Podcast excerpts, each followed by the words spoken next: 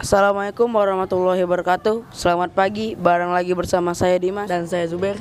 Di Radio Maliki Kali ini kami akan mencari tahu tentang sejarah Indonesia. Untuk menemukan jawabannya, kami mengundang Irvin dan Ari.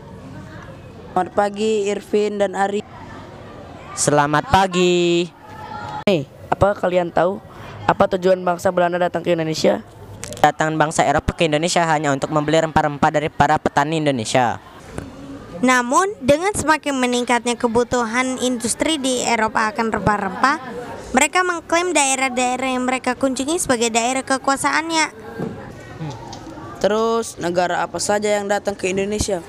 Portugis, Spanyol, Inggris, Belanda. Saya dengar Belanda itu penjajah paling lama. Kira-kira berapa lama ya? Sekitaran tiga setengah abad.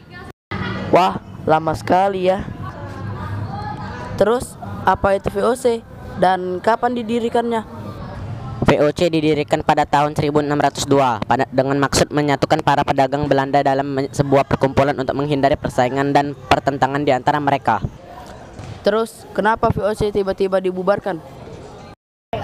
Oh, itu sih karena adanya persaingan yang dagang hebat antara Prancis dan Inggris. Dan banyaknya pegawai-pegawai VOC yang melakukan korupsi dan kecurangan-kecurangan lainnya. Terima kasih atas jawabannya ya. Sekarang kita jadi tahu nih tentang sejarah-sejarah bangsa Eropa. Iya, sama-sama. Apa pesan Anda untuk pemuda sekarang? Saya berpesan agar pemuda untuk menjaga kesatuan.